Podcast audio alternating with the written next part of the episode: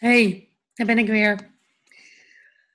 In mijn coachings en trainingen komt vaak uh, het begrip je ideale klant ter sprake. Logisch ook misschien, omdat je, we hebben het over marketing, dan wil je die klant bereiken. Um, we hebben het over social media bijvoorbeeld. Handig als je dan op het platform actief bent waar jouw klant actief is. als hij niks op LinkedIn doet en jij gaat helemaal los op LinkedIn, heeft dat niet zoveel zin. Bereik je hem of haar niet. Misschien is het toch iemand die helemaal niks met social media doet. Ze zijn er, die mensen. Of die niks online doen. Die zijn er ook nog steeds, die mensen. Als jij dat niet weet, als jij geen beeld hebt van jouw klant, ja, dan heb je het moeilijk. dan is het heel moeilijk om alles wat je doet af te stemmen op die ideale klant. En nee, dan heb ik het niet over je product of dienst aanpassen. je hoeft geen Hello Kitty kunst te gaan maken. Maar het gaat erom hoe je die klant benadert. Um, als je het wil gaan verkopen. of als je het aan de man wil brengen. En dan is het toch wel heel handig als je die ideale klant ook bereikt. Als je hem weet te bereiken. Als je weet welke kanalen je in moet zetten. Als je weet waar die gevoelig voor is. Als je misschien weet waar zijn pijnpunten zitten. Allerlei zaken die belangrijk zijn. Nou, er zijn verschillende modellen voor. Ik werk zelf graag met de Empathy Map. Die is ontwikkeld door dezelfde mensen die ook de Business Model Canvas hebben ontwikkeld. En je maakt weer, je beantwoordt een paar vragen. Um, ja, dan heb je daarna heb je gewoon een goed beeld van jouw ideale klant. Dan zou je vragen misschien, hoe kom ik dan nou aan die informatie over mijn ideale klant? Goeie vraag, want dat is inderdaad wel even een dingetje. Je zou een bestaande klant kunnen nemen. Neem dan wel eentje die, nou, je het echt fijn vindt om mee te werken. Um, dan is het natuurlijk veel makkelijker. Als je al bestaande klanten hebt, dan kun je een soort mix maken van mensen. En dan kun je daarmee jouw ideale klant vullen, zeg maar. Of definiëren. Laten we, laten we het anders uh, zeggen. Je kunt ook een vriend nemen, of een vriendin, of je moeder, of iemand die dichtbij staat. Waar veel creatieven achterkomen als ze met die empathy map bezig zijn, is dat ze zelf heel erg op hun ideale klant lijken. Dat vinden ze vaak een beetje gênant. Dat hoeft natuurlijk helemaal niet erg te zijn. Eigenlijk is het misschien juist wel mooi. Want jij maakt iets als creatief, waarschijnlijk tenminste, wat heel dicht bij jezelf ligt. Dus zou het fijn zijn als die ideale klant, zou het fijn zijn, is het dus prima als die ideale klant ook dicht bij jou ligt. want dan heb je raakvlakken dan is er herkenning. Uh, dan zal die klant geneigd zijn, of eerder geneigd zijn in ieder geval, om bij jou iets te kopen. dus voel je daar niet awkward over. Gewoon doen. Goed, ik ga kijken of ik. Um, of het lukt met share. Op de empathy map. Nou, dat model ziet er zo uit. Er zitten dus een aantal aspecten in. Think and feel, see, say and do, hear, pain and gain. Nou, ik ga ze allemaal even met jullie door. De eerste vraag. Wat denkt en voelt jouw klant?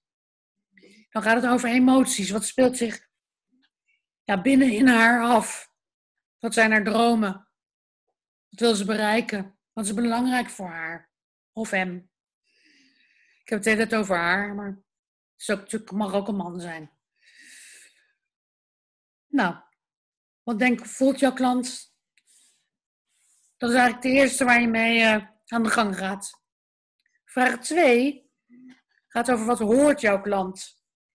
Dat is niet um, letterlijk. Het kan wel letterlijk zijn trouwens. Maar het gaat ook over, vooral eigenlijk, waar wordt jouw klant door beïnvloed? Um, is het iemand die luistert naar wat partners zeggen, vrienden zeggen, collega's zeggen. Ehm, is het iemand die heel erg naar social media luistert?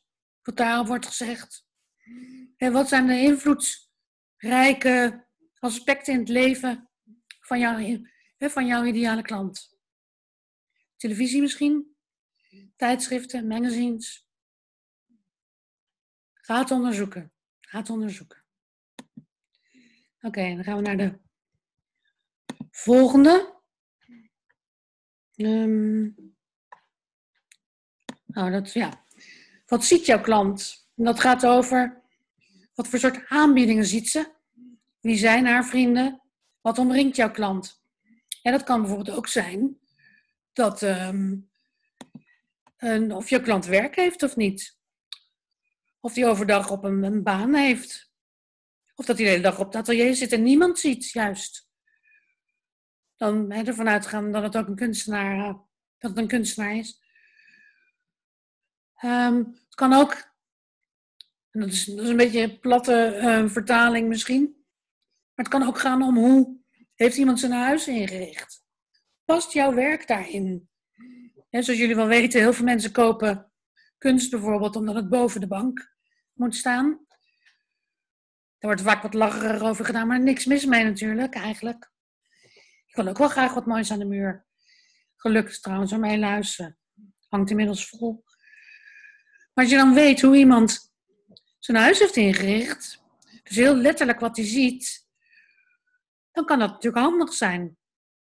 Als jij dan iets maakt waarvan je denkt, nou, hmm, ik weet niet of dat helemaal past.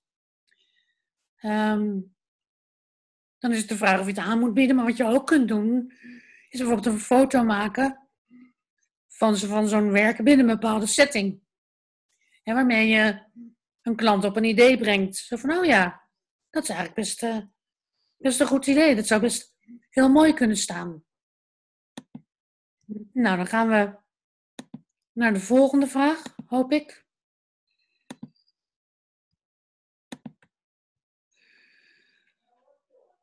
Deze hebben we al gehad. Wacht even, we gaan. Uh... Ja, deze moet ik hebben. Wat zegt en doet jouw klant? We hadden het al even over dromen. Wat wil iemand? Wat gaat er, speelt zich van binnen af? Deze vraag gaat over hoe gedraagt iemand zich.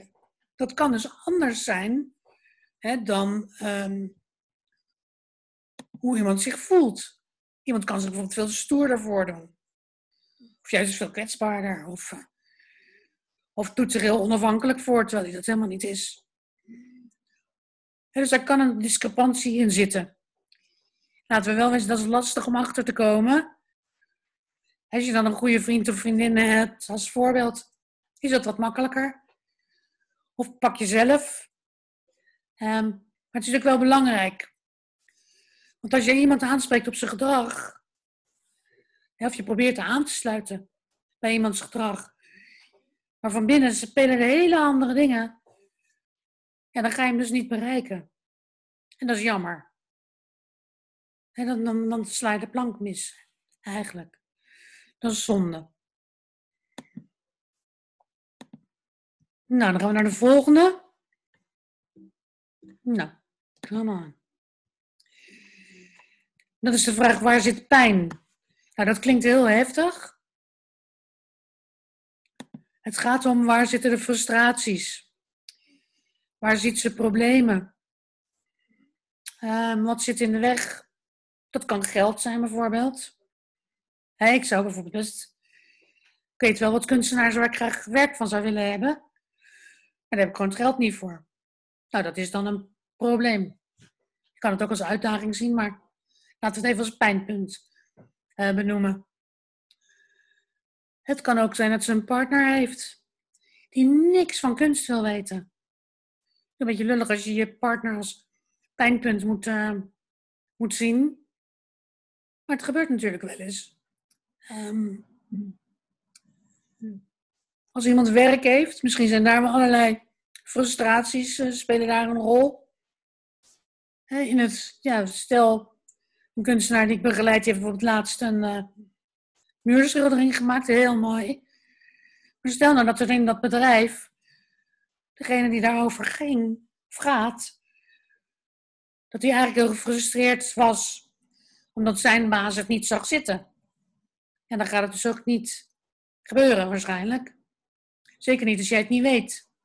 Dan kun je daar ook niks, je kunt het niet wegnemen. Kijk, binnen marketing wordt ook vaak gezegd van, jouw klant heeft een probleem. En jij biedt daar de oplossing voor. Nou, dat zal in heel veel gevallen ook het geval zijn. Maar bij kunst en bij creatieve uitingen is dat natuurlijk wat minder zo. Soms wel, hè? Soms kan het wel degelijk een pijnpunt zijn. Waar ik nu even aan moet denken. Um, als ik het heb over fotografen bijvoorbeeld. Een pijnpunt, bij mij is dat. Um, nou, ik ben ziek, dat weten veel mensen. En ik ga mijn zoon ga ik geen 30 meer zien worden. Nou, dat is een pijnpunt, dat snappen jullie. Hij is nu 21. En er zijn bijna geen foto's van ons samen. Zijn er gewoon niet. Ik fotografeerde altijd. Dus hij staat erop. Veel. Maar wij samen bijna niet.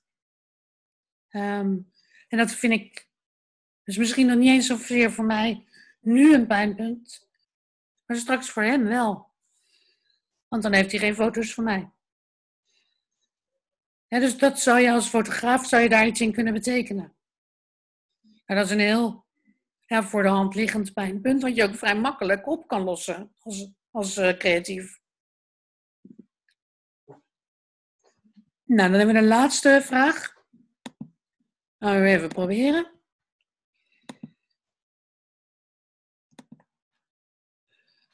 Dan is de laatste vraag, ja, is hoe hij of zij uh, haar succes meet. En wat wil je klant bereiken? Het is eigenlijk het tegenovergestelde van de pijn. De pain is the gain. En dan gaat over wat, ja, hoe meet ze haar eigen succes. Um, ja, dus wanneer is ze in haar eigen ogen succesvol? Dat kan van alles zijn. Het kan zijn dat, er, dat ze geld heeft. Het tegenovergestelde van de pijn die we net noemden. Geld heeft om kunst te kopen. Geld heeft om jou die opdracht te geven om uh, een huisstijl te laten maken. Geld heeft om portretten te laten maken. Geld heeft om dat schilderij te kopen, of dat beeld, of whatever. Dat kan een succes ja, ervaring zijn voor haar. Um, het kan ook ergens anders in liggen. Het kan ook liggen in dat ze de vrijheid heeft om, uh, om op reis te gaan. Nou, behalve als je een reisbureau hebt, kan jij daar niet zoveel mee waarschijnlijk. Maar je kan wel bijvoorbeeld aansluiting, dat is wel heel plat wat ik nu ga zeggen, maar ik ga het toch zeggen. Je kan wel aansluiting vinden, misschien met haar, door over je eigen reizen te vertellen. In je persoonlijke verhaal op jouw website. En soms kun je dingen gewoon één op één op die manier invullen als je weet um, what makes your perfect client tick? Um, dus wat beweegt hem echt? Als je daarop in kan spelen, heb je veel meer kans dat je hem bereikt. En dat hij inderdaad jou gaat volgen, dingen bij je af gaat nemen, opdrachten bij je komt, uh, opdrachten aan je geeft, dingen bij je koopt. Uh, dat is wat je wil lijkt mij uiteindelijk. Hè, at the end of the day wil je gewoon toch geld verdienen met je, wat je het liefste doet. En dan heb je, nou, je hebt er gewoon de meeste kans op dat voor elkaar te krijgen. Als je goed weet wie jouw ideale klant is. En daar je communicatie op afstemt. Nogmaals, het gaat er niet om dat je Hello Kitty kunst gaat maken. Dat mag. Als je, dat, als je daar lol in hebt, moet je dat vooral doen. En dan kan, dan kan je zo'n empathy map natuurlijk ook gebruiken. maar daar ga ik even niet uh, van uit. Ik ga ervan uit bij het maken van zo'n empathy map dat je je communicatie, je website, je social media, al dat soort zaken zo goed mogelijk af wil stemmen. Nou, als je dit echt goed doet, even voor gaat zitten, dan lukt dat. Geheid. Echt waar. Trust me. Dan kun je dat ding online maken. Ehm, als je een beetje googelt, vind je het wel. En er zijn ook templates die je online, online in kunt vullen. Je kunt hem ook, uh, je kunt ook gewoon een groot papier pakken. Om daarop tekenen en dan uh, met de pen uh, de teksten erin zetten. En dat heeft als voordeel dat je hem gewoon op je atelier waar dan ook op kunt hangen. Dat je hem nog eens regelt. Nou, dan zie je hem regelmatig. Dus dan blijft hij een beetje voor in je hoofd zitten. Wat fijn is. En weet je, wat je zult zien is dat je... Ja, de ideale klant wordt zo helder voor je. Dat je ook heel snel snapt. Nou, dit moet ik niet doen. Dit slaat nergens op aan mijn ideale klant. Of dit is een heel goed idee. Want dat sluit heel goed aan. Dus het maakt veel makkelijker om te denken wat je wel en niet moet doen om die klant te bereiken. Nou goed, tot zover. Heb je vragen, opmerkingen? Zet ze in de comments onder het filmpje en dan reageer ik daar weer op. Oké? Nou, heel veel succes ermee. En ik ben heel benieuwd naar jullie ideale klanten.